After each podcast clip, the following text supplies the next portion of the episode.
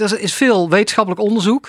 En, eh, en ook wel zeker interessant. Dat principe, dat is wetenschappelijk Ja. aangetoond. Dat als, je, als ik iets met elektri elektriciteit goed doet. in mijn hersenen doe, Ja, gebeurt er iets in spieren. zeker.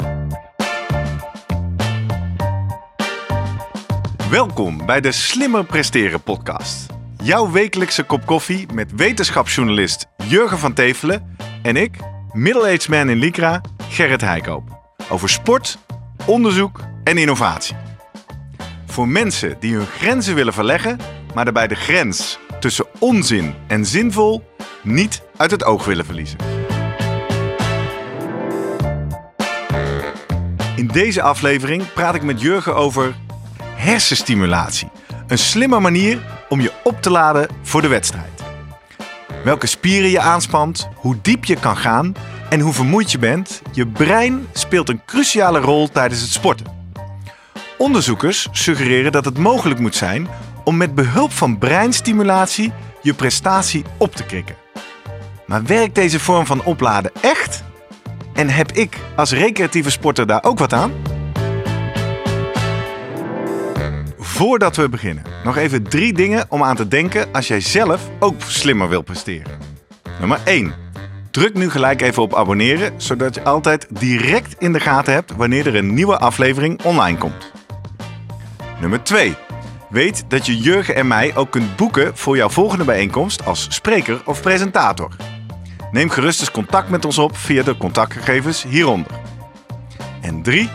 Deze podcast wordt geproduceerd en gesponsord door Live Online Events. Serieus goede content rondom jouw congres of event. Check www.loe.tv voor meer info. Ja, Jurgen, jij eh, schreef een artikel in de Runners World. Ja. Uitgebreid over een koptelefoon die jouw hersenen eh, met stroom zou prikkelen. Kan je vertellen, hoe, hoe kwam je erbij om dit artikel te schrijven? Nou, ik eh, eh, heeft natuurlijk weer, kom ik terug op het boek, Maakbare Uur, wat ik vorig jaar schreef. Daar heb ik ook een, een paar hoofdstukken, denk ik, gewijd aan de rol van hersenen. Ja. En juist bij zo'n poging als werelduurrecord, waar iemand een uur lang eigenlijk tegen zijn max aan zit, oersaai rondjes aan het fietsen is. Daar komen natuurlijk allerlei gedachten naar binnen. eh, signalen van, van de benen, eh, van jongens, eh, ik wil stoppen. Ja. Dus die, die hersenen die, die bepalen, of die zijn heel belangrijk in ga ik door of wil ik minderen. En in, toen kwam ik erachter dat er onderzoeken zijn, inderdaad, die kijken naar of het mogelijk is om met hersenstimulatie vooraf aan een wedstrijd, om eigenlijk die vermoeidheid uit te stellen en langer door te gaan. Toen een stukje over geschreven eh, en ik zag een heel interessant, inter- interessant interview met een Leidse psychologe. In uh, Vice Sports was het volgens mij. eh, en, en die was zo enthousiast. Ik denk, nou, die, die noteer ik voor. Daar ga ik nog eens een keer dieper uitzoeken. Dus dat heb ik nu eens gedaan. Ja, nou, voordat we verder gaan, hersenstimulatie. Eh, ik denk aan van alles, maar waar hebben we het eigenlijk Ja. over? Want is, is dat slimme mantra's tegen jezelf herhalen? Of wa- wa- wa- waar Dat- hebben we het over hier? Nou, dat zou ook kunnen. Maar dit is echt hersenstimulatie met stroom. Oké, Alleen dan denk je aan elektroshock. Hè? Ja. En, eh, dit is maar eigenlijk heel mild. Het is een hele lage stroomsterkte die gebruikt wordt. ja. Een paar milliampère. Heb het zelf niet gebruikt, maar wat het is, je hebt gewoon een paar elektroden plak je op jouw eh, schedel. Kan met een badmuts waar die elektroden in, eh, in, in eh, verwerkt zitten. Ja, dat bedrijfje Halo Neuroscience biedt een koptelefoon aan waar ja ook dat, die, dat is een beetje de rode draad in jouw. Runners World artikel, hè? Dat je zo'n koptelefoon Want als hoopt je te die winnen. site gaat bezoeken en ik heb ook een, een- een filmpje, dat komt ook in de show notes. Ja, dan denk je, ja, dit is het ei van Columbus. Ja. Gewoon een koptelefoon, maar daar zitten wat extra stekels eh, die dan eh, tegen je hoofd aan, eh, aan zitten. En wat er is, dus op het moment dat jij gaat stimuleren, het is lage stroom, maar je voelt dat wel een beetje in je huid, huid tintelen. Oké, Dus je hebt wel het gevoel van er er gebeurt, gebeurt wat. iets, ja. Alleen het is niet die elektroshock waardoor je, je hersenen gereset worden. Maar het idee is dat jouw, eh, de techniek heet TIDCS, transcraniële direct current stimulation, gelijkstroom. Ja. Van ACDC, hè? Ja, ja, ja. ja, ja. Oké, eh, dus dit is de DC, transcranieel, dus dwars door de schedel heen. Oké. Gelijkstroomstimulatie eh, en dan paar milliampère. Het idee is van nadat je op die manier een eh, elektrisch eh, veld aanlegt en bepaalde hun- eh, neuronen een beetje uit hun ru- rusttoestand haalt, Ja. een beetje kietelt, waardoor ze eigenlijk op het moment dat je ze echt gaat stimuleren en ze sneller geactiveerd worden of langer geactiveerd kunnen worden. En nou, het is, het is ook niet. Er is veel wetenschappelijk onderzoek. En, eh, en ook wel zeker interessant.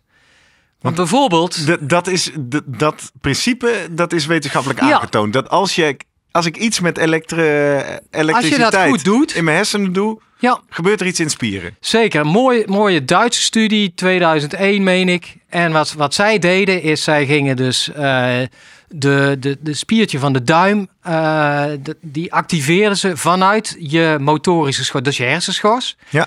En dan kan je precies het plekje vinden wat verantwoordelijk is voor de innovatie van die duim. Ja. En dat deden ze dan eh, nou, magnetisch. Nou, dan stimuleren en dan zie je dat duimpje een beetje bewegen. Elke keer als zij die stimulus geven. En dan boden ze daarnaast die TDCS aan. Ja. En dat was natuurlijk een beetje kijken van oké, waar moeten we die elektrodes neerzetten. Maar ehm, wat er dan gebeurde als ze dat goed deden, dan zagen ze gewoon met dezelfde stimulatie dat die uitslag en die contracties veel sterker werden.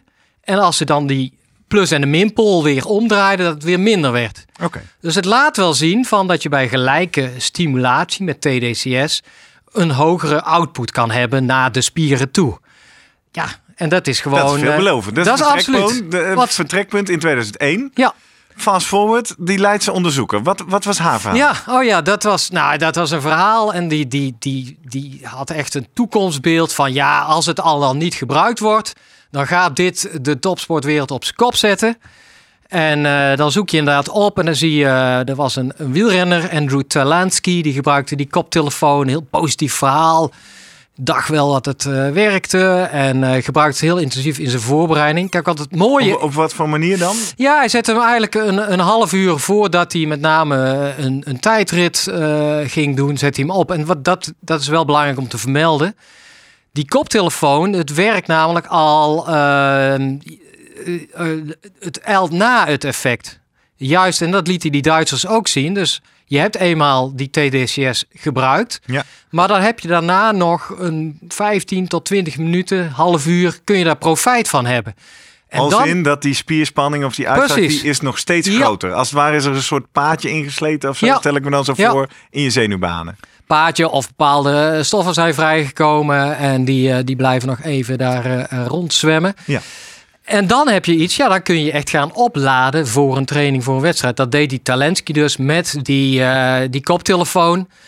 Nou, die, en nou, die, die geloofde daar echt in. Of die zei echt, ja, dit heeft me beter gemaakt. Eh, en nou, die Leidse psycholoog, dus toen ik dit jaar dit, eh, dit, dit stuk is goed wilde uitzoeken, ik denk, nou, dat is mijn eerste bron.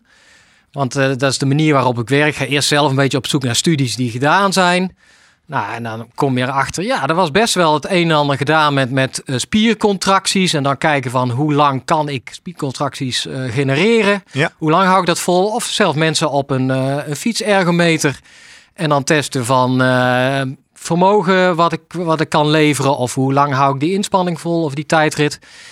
En dan zet je die op een rij en dan was nou 20 studies gedaan. En eigenlijk 12, 13 lieten gewoon een positief effect zien.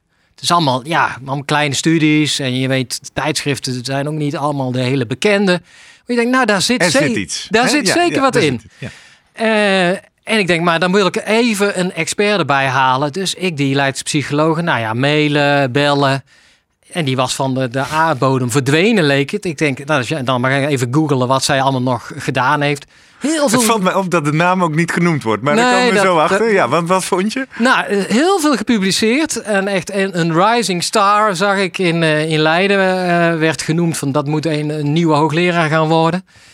Alleen, ja, zij had niks meer gestimuleerd op dit front. Eén review geschreven ooit. Nou, en, eh, en daarna niet. Dan ga je al een beetje denken... hm, Even, even voor de niet-wetenschappelijke Oh ja, kijkers en luisteraars. Betekent, je, hebt, je hebt veel literatuuronderzoek Ja. gedaan en je maakt een overzicht van wat zegt de literatuur over. Precies. Ja, en dan kom je haar. Ze heeft dan één st- overzichtsstudie, maar dat is meer een. een ja, dan zet ze de bestaande onderzoeken op een rij. En dan op, op- tot slot heeft ze dan van nou de toekomstmogelijkheden. En die waren vrij positief, ook daar. Maar je wil dat een expert moet toch zelf ook wel op wat op dat gebied gedaan hebben. En dat, nou, daar kan ik maar niet tegen. Dus ehm, totdat eigenlijk, eigenlijk, ja, toen was het stuk al, al verschenen. Ik had iemand anders gevonden uit Utrecht. En, de, Een hersenwetenschapper, Ja. toch? Om, om En- dit te beschouwen. Ja, Precies. En, nou, wat hij en, zei. en nog even terugkomen, die Leidse. Ja, die, die, toen kwam zij ineens in het nieuws. eh, NRC, NOS, eh, Volkskrant. Als zijnde, ja, zij was eh, geschorst eh, door de universiteit. Want zij had eh, toch een aantal dingen gedaan die wetenschappelijk niet door de beugel konden. Dus dat betekent, ja, daar, Specifiek op dit domein waar we het vandaag gelukkig- over hebben. gelukkig niet. Oké. Want ik was al bang van ja, nou ja, uiteindelijk heb ik weinig eigenlijk met haar ge- onderzoek gedaan. Nee, dat ging over heel andere dingen. Zij heeft ja, data gemanipuleerd, Ja, noem maar ja, op. Ja. Dus ik denk, oké, dat geeft maar weer aan dat je ook niet kan bouwen altijd op een interview met een wetenschapper. Ook een beetje daardoorheen moet af en toe prikken van ja, eh, is dat de wetenschapper die ook expert is op dat gebied? Ja. Nou, die heb ik toen gevonden in Utrecht. En die jongen, die, eh, ja, die, die zette mij eigenlijk... Want ik was ook enthousiast geraakt. Van, ik denk, nou ja, daar zit wat in. Aan Ja. de hand van die... Talensky heeft Ja. een positieve testimonial. Ja. De- de- is, en hij, eh, hij was best eh, qua TD, de techniek zelf, zei hij. Maar ook aan de hand van dat Duitse stuk, zei hij... Ja, dat, zeker, we doen er heel veel mee. En ik ook. Maar, zei hij, om niet op sportgebied. Want hij zei, ja, die studies die jij daar aanhaalt... Ja, hij, had, hij zei, ja, dat zijn niet de journals waar ik... De eh, eh, tijdschriften waar...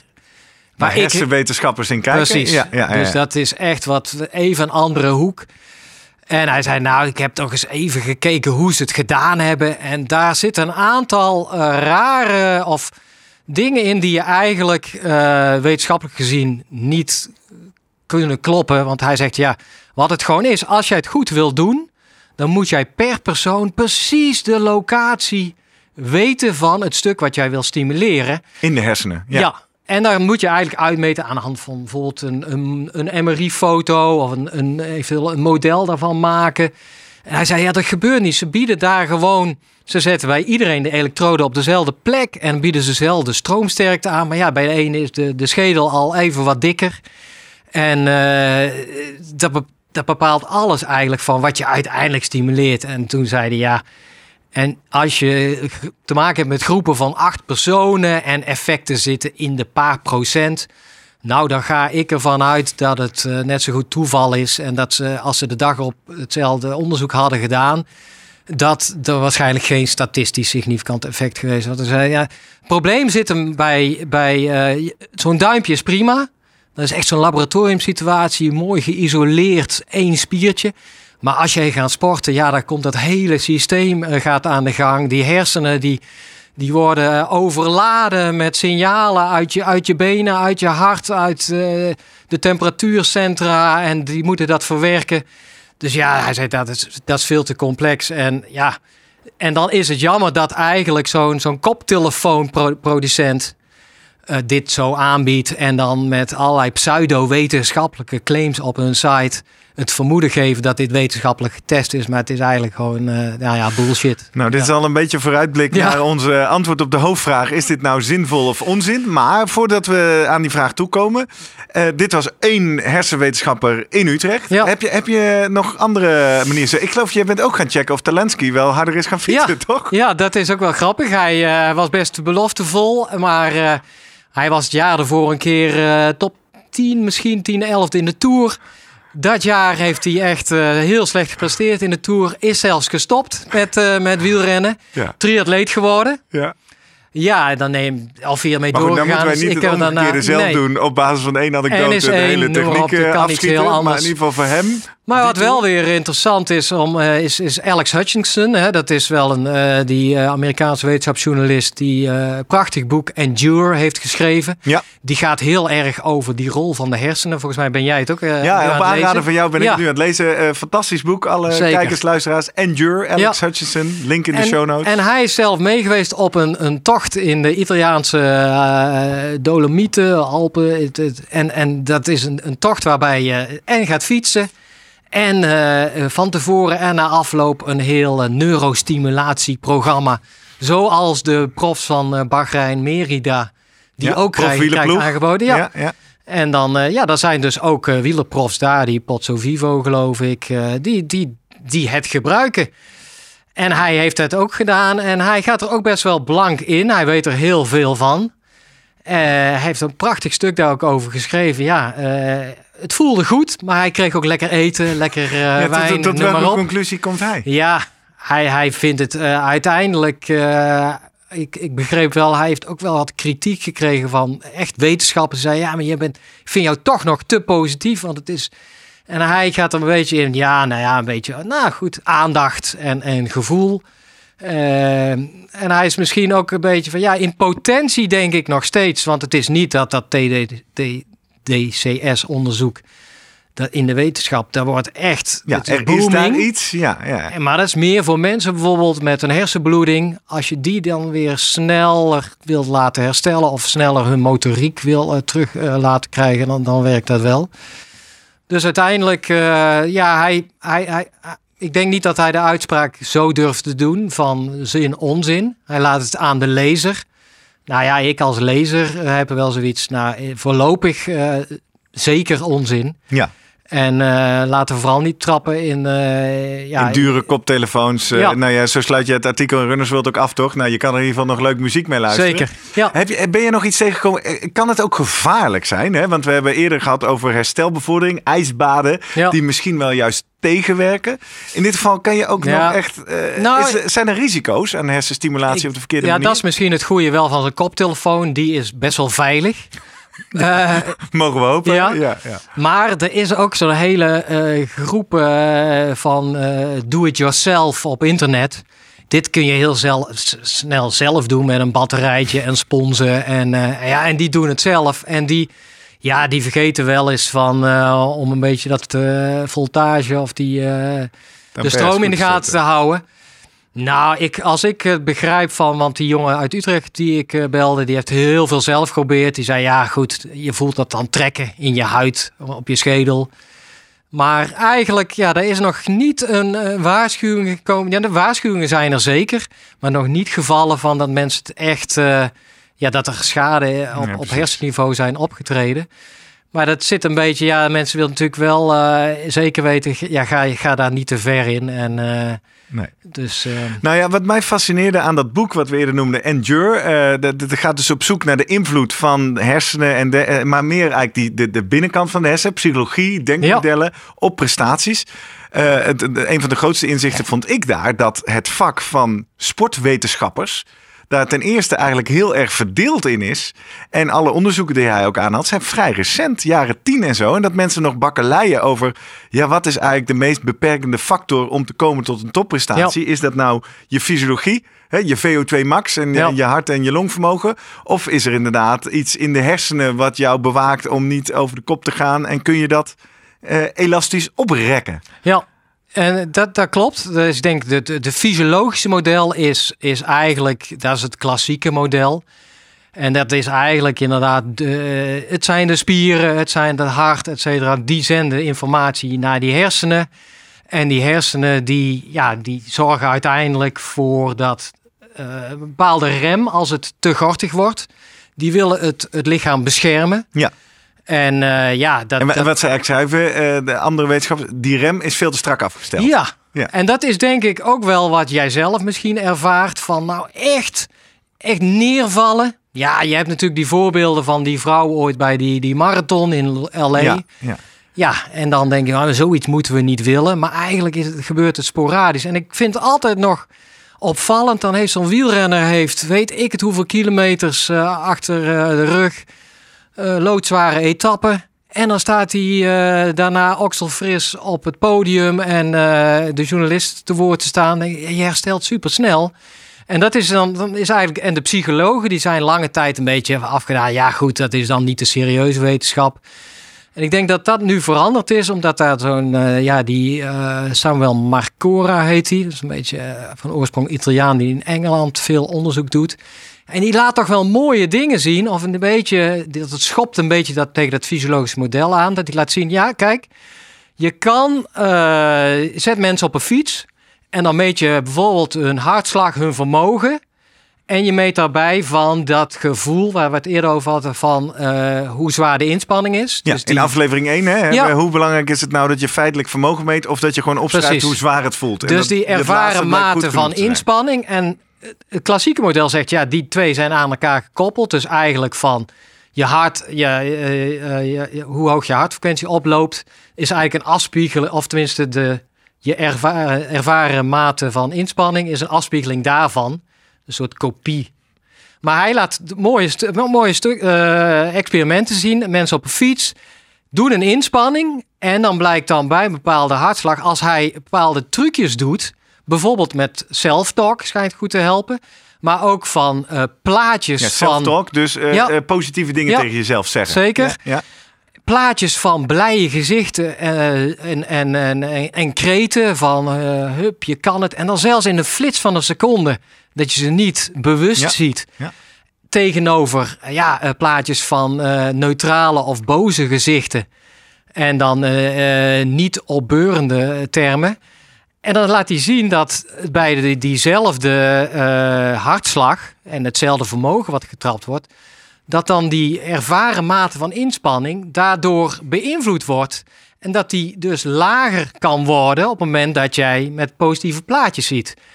En dat als je dan doorgaat met die inspanningstest, dat dan uh, mensen langer kunnen doorgaan als zij zo'n plaatje hebben gezien. Of die self-talk hebben toegepast. Dus daarmee zegt hij ja, je kan dus eigenlijk de fysiologie door vanuit het lichaam met alle uh, informatie vanuit de spieren, het hart, hormonen, noem het maar op. Die kan je overroelen. Ja, door eigenlijk rationele of, of semi-rationele uh, processen met tekst en plaatjes. Klopt. Ja. En uh, ja, of dat dan een stukje motivatie, natuurlijk ook studies van bieden mensen een geldbeloning aan, een soort beloning. Ja. Uh, wat ik ook wel leuke studies vind, is als jij uh, zo'n inspanningstest doet en dan uh, heb ze in Groningen volgens mij gedaan en dan een scherm voor je en dan heb je een, een avatar die meefietst, zeg maar, een soort Zwift. Ja.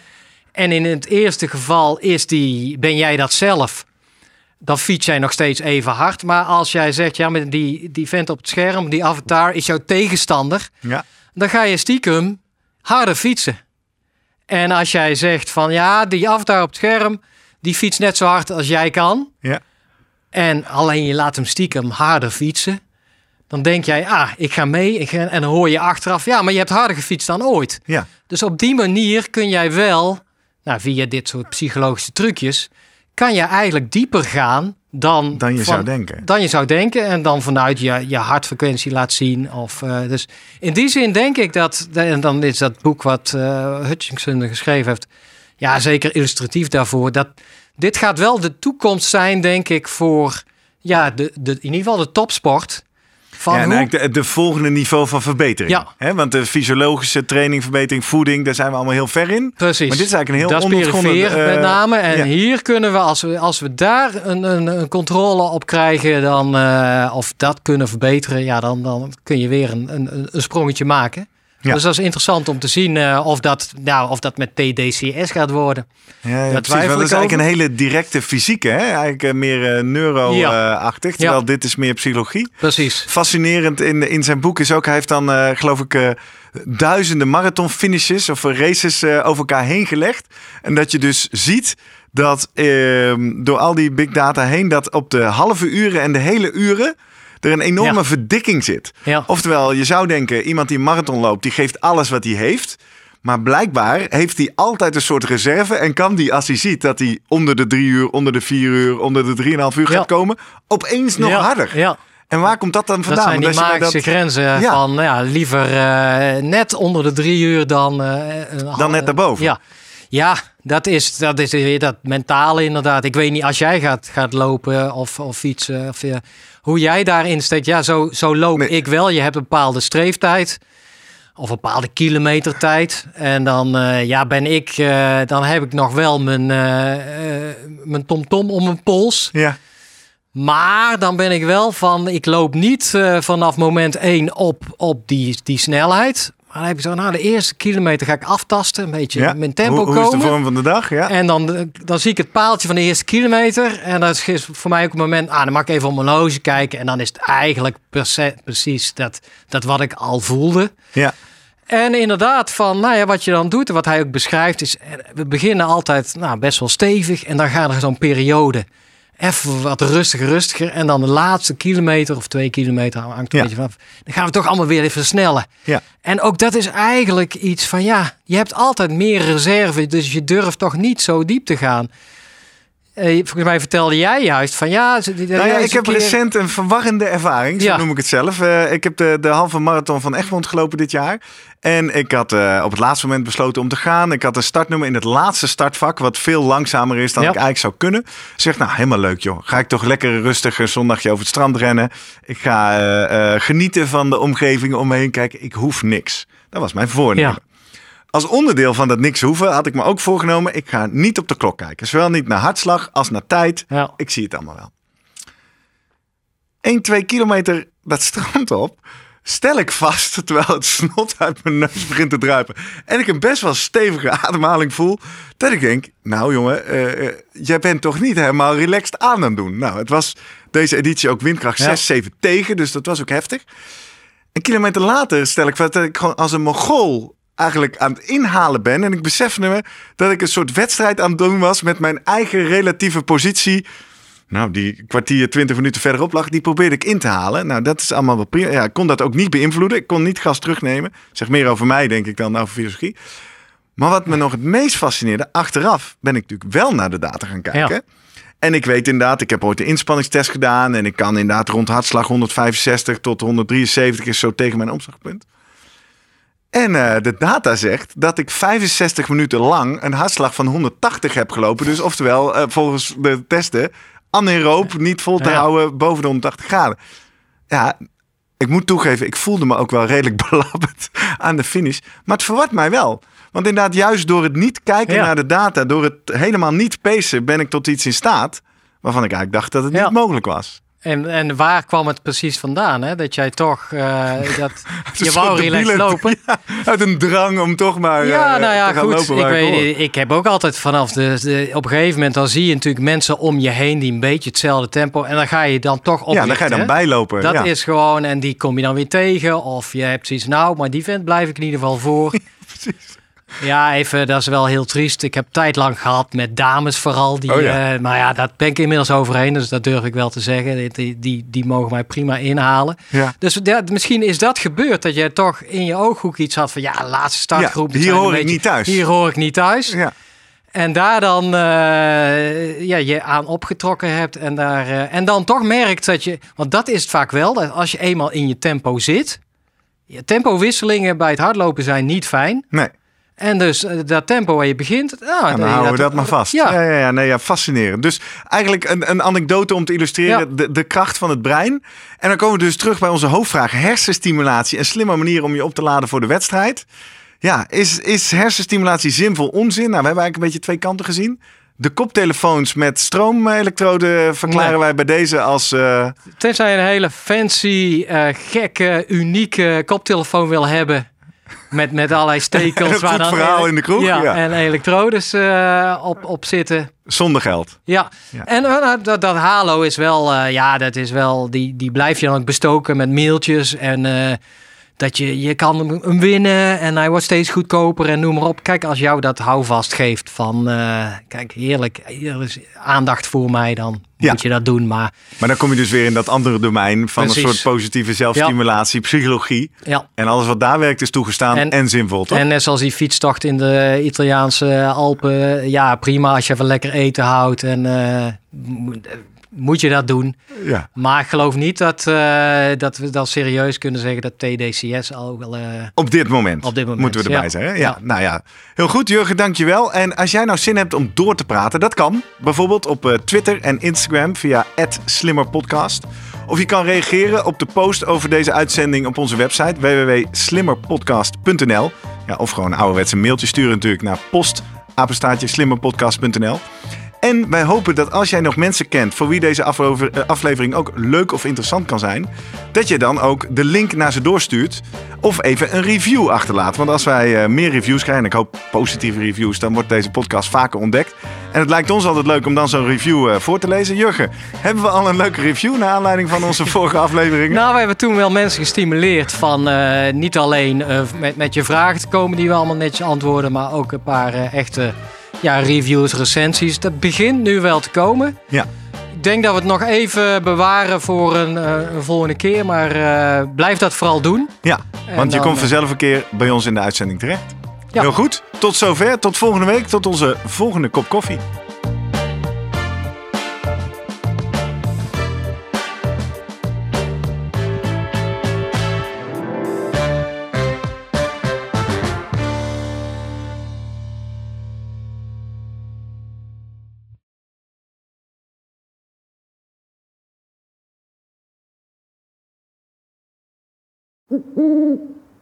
Hey, pst. Voordat je weggaat, denk er nog even aan uilentorenloop.nl. Dan zien we je de eerste zaterdag van juni. Tot dan!